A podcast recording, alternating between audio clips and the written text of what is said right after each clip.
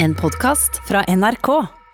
Men flere av landets eh, største kultur- og kunstnerorganisasjoner kritiserer kulturministeren for å prioritere idretten framfor kulturen, etter at eh, revidert nasjonalbudsjett ble lagt fram eh, i går. Der foreslår regjeringa bl.a. flere krisepakker til kultur, frivillighet og idrett. Det her er lyden av en fotballkamp. Mens dette er lyden av en konsert. Etter det reviderte nasjonalbudsjettet ble lagt frem i går, mener de som driver med konserter og annen form for kultur, at det ble for mye av dette og for lite av dette. Vi ser jo at idretten får gjennomslag for mange av sine, sine forslag og innspill. og Det vi er veldig glad for. Altså, idrett er jo en viktig samfunnsaktør i Norge.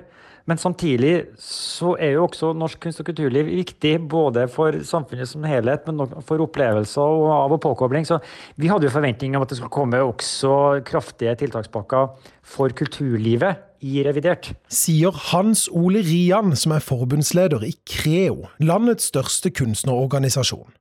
Krisepakken til kultur, idrett og frivillighet ble i går utvidet fra 1 til 1,6 milliarder kroner, og skal gjelde fra 12. mars til 15. juni.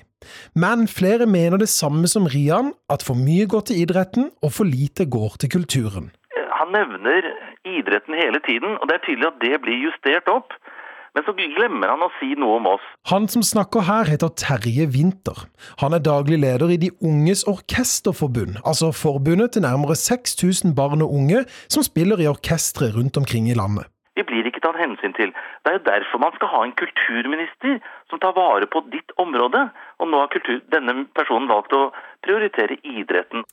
Ut fra det som ble sagt uh, i dag, uh, og hvordan det ser ut på papiret, så skjønner jeg den tolkningen. Tone Østerdal, daglig leder i Norske konsertarrangører, som bl.a. snakker norske musikkfestivalers sak, er også skuffa over at ikke de fikk mer informasjon om hva som skjer etter 15.6. Vi hadde nok håpet på noen tydeligere signaler i dag om hvordan eh, musikkfestivalene som er rammet av arrangementsforbudet i sommer, eh, skal kompenseres. Eh, det er store næringsaktører som venter spent på avklaringer om hvordan de skal holdes flytende gjennom denne krisen. Kulturminister Abid Raja hadde ikke anledning til å svare på kritikken.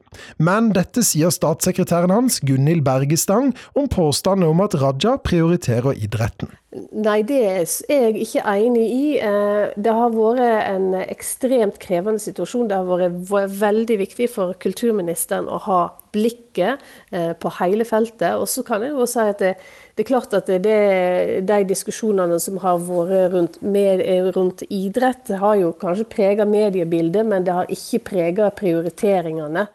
Ja, Det sa statssekretær i Kulturdepartementet Gunhild Berge Stang. Reporter var Christian Ingebretsen.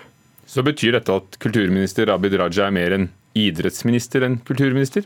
Kulturkommentator Agnes Moxnes. Ja, Det mener jo organisasjonene og foreningene som representerer en veldig stor gruppe av bredden i norsk eh, kulturliv. Eh, både de frivillige og de kommersielle. Og Terje Winther, som vi hørte i denne reportasjen, her, han er altså leder for det som heter De unges orkesterforbund. 5500 eh, medlemmer har de landet rundt. Og medlemmene er mellom 2 og 26 år, så det er et veksthus for talentutvikling. Ehm, og så ser vi igjen da at idretten tar innersvingen på slike som dem, bl.a. også når det gjelder bygg og øvingslokaler.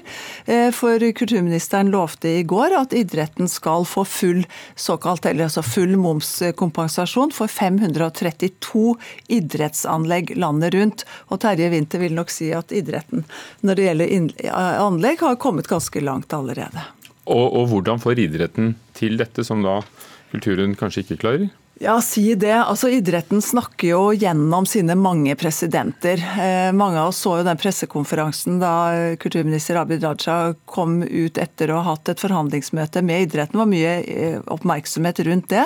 Da sto han der sammen med idrettspresidenten, fotballpresidenten, håndballpresidenten og svømmepresidenten. Eh, og de får selvfølgelig veldig mye medieoppmerksomhet. Og i tillegg også en, en tung politisk oppmerksomhet, bl.a. fra tidligere kulturminister Trond Giske, som kom på banen for fullt da Eliteserien var et, et tema. Og sa Trond Giske altså i Politisk kvarter her i Nyhetsmorgen at fotball er viktigere enn kino. Burde kulturlivet hatt en president eller to? Ja, altså Eller har han rett? ja. Eh, eh, man skal vel kanskje være forsiktig med å sammenligne hva som er, har størst eh, verdi. Men det som er blitt veldig tydelig nå i denne veldig dramatiske tiden som norsk kulturliv er, og idrett også er oppe i, det er at kulturen mangler en samlende talsperson som kan snakke for de frivillige, for de kommersielle og for de offentlige. Og, og Terje Winther, Hans Ole Rian og Tone Østerdal, eh, som vi hørte i denne reportasjen her, som har gjort en utrolig viktig jobb og gjør en viktig jobb nå som organisasjonsledere, eh, eh de har vi vel ikke sett kulturministeren posere sammen med. Jeg har i hvert fall ikke sett det. Og de skaper heller ikke den store medieoppmerksomheten. Også statssekretæren har sett at idretten får mer oppmerksomhet enn kulturlivet. Betyr det da også at det blir større politisk gjennomslag? Altså, vi vet jo at politikere lar seg påvirke av styrken i en opinion, og der skiller helt sikkert ikke Abid Raja seg fra andre politikere. Eh, kulturlivet består av en mengde mennesker på lav lønn. Det er mange som drives av begeistring og skaperkraft. Eh, Kulturdepartementet ble bedt av dem om å endre innretningene sine av krisepakkene, sånn at de treffer også de svakeste. Og det mener altså organisasjonene at Kulturdepartementet ikke har klart, eller ikke har lagt inn tygde nok til å klare. Takk skal du ha, Agnes Moxnes. Også denne uka så står det utsatt bak eh, kampene som skulle vært spilt på norske fotballbaner. Ny terminliste blir klar på det som har, som har vært da, fotballens festdag, nemlig 16. mai. Men en eh, ny bok kan kanskje ta litt av lengselen, denne lengselen mange har.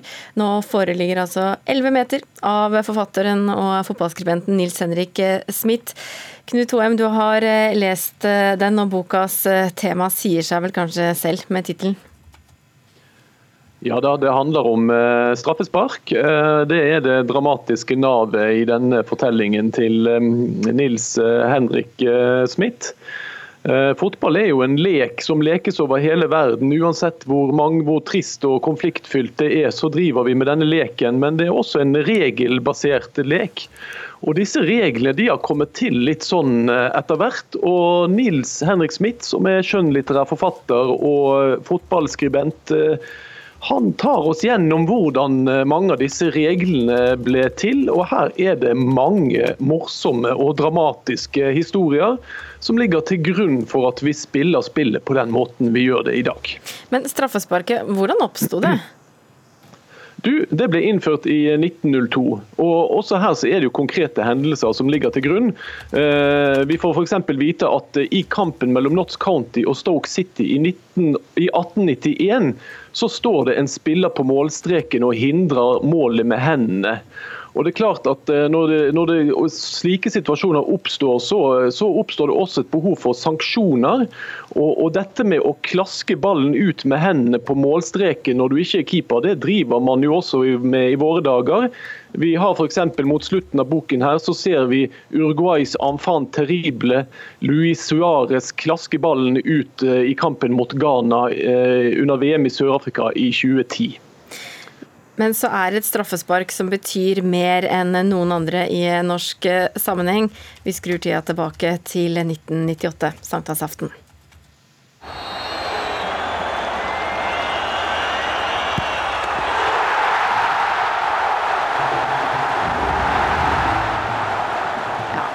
Dette var jo da eh, Rekdal som eh, satte straffa mot eh, Brasil eh, i Marseille i 1998.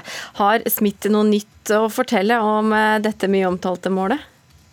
Jeg tenker Mange av radiolytterne fikk frysninger når de hørte bare jubelen her. Men uh, man så for seg, man må se for seg Rekdal med de gule uh, fotballskoene uh, i den norske drakten i Marseille på sankthansaften.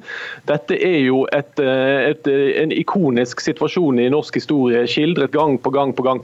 Det Smith gjør, det er at han trekker fram den iransk-amerikanske dommeren Efsandia Bahamas og gjør han til en av hovedpersonene i dramaet og takker han på vegne av den norske nasjonen for det at han dømte straffe da Tor André Flo ble dratt i trøyen, noe han jo åpenbart ble. Det er også, som er også interessant her, det er å se hvordan eh, forfatteren diskuterer den, det litt tvetydige forholdet vi har til det norske og den norske nasjonalismen og, og nasjonen. Og at eh, vårt forhold til flagget og, og alle disse symbolene er i bevegelse på samme måte som fotballkunsten er det. Og at vi kanskje i dag når vi ser det nå, er litt mindre ironiske i forhold til det nasjonale enn det vi var på 90-tallet. Og så er det jo sånn at eh, denne boka vi var inne på i starten, kan den lindre litt av abstinensen mange kan føle på i disse dager? Ja, dette er jo en bok som sjangermessig er i slekt med de fantastiske bøkene til Dag Solstad og Jon Michelet om fotball-VM. Den er nok ikke helt Den mangler kanskje litt tilskuerens perspektiv. For det fotballen er jo et drama med deltakere og tilskuere. Og disse tilskuerne er jo så viktig for dynamikken i spillet. Det ser vi jo spesielt når de mangler på tribunen. Um, litt mer fra tilskuernes perspektiv hadde nok gjort boken litt luftigere. Og så savner jeg mer kvinner. Jeg, vil, jeg syns det er veldig pussig i en bok om straffespark at jeg ikke får vite når en kvinne tok det første eh, straffesparket i kvinnefotballens historie. Takk, Knut Oem, som hadde lest 11-meteren eh, av Nils Henrik Smith. En lengre anmeldelse av boka finner du på nrk.no anmeldelser.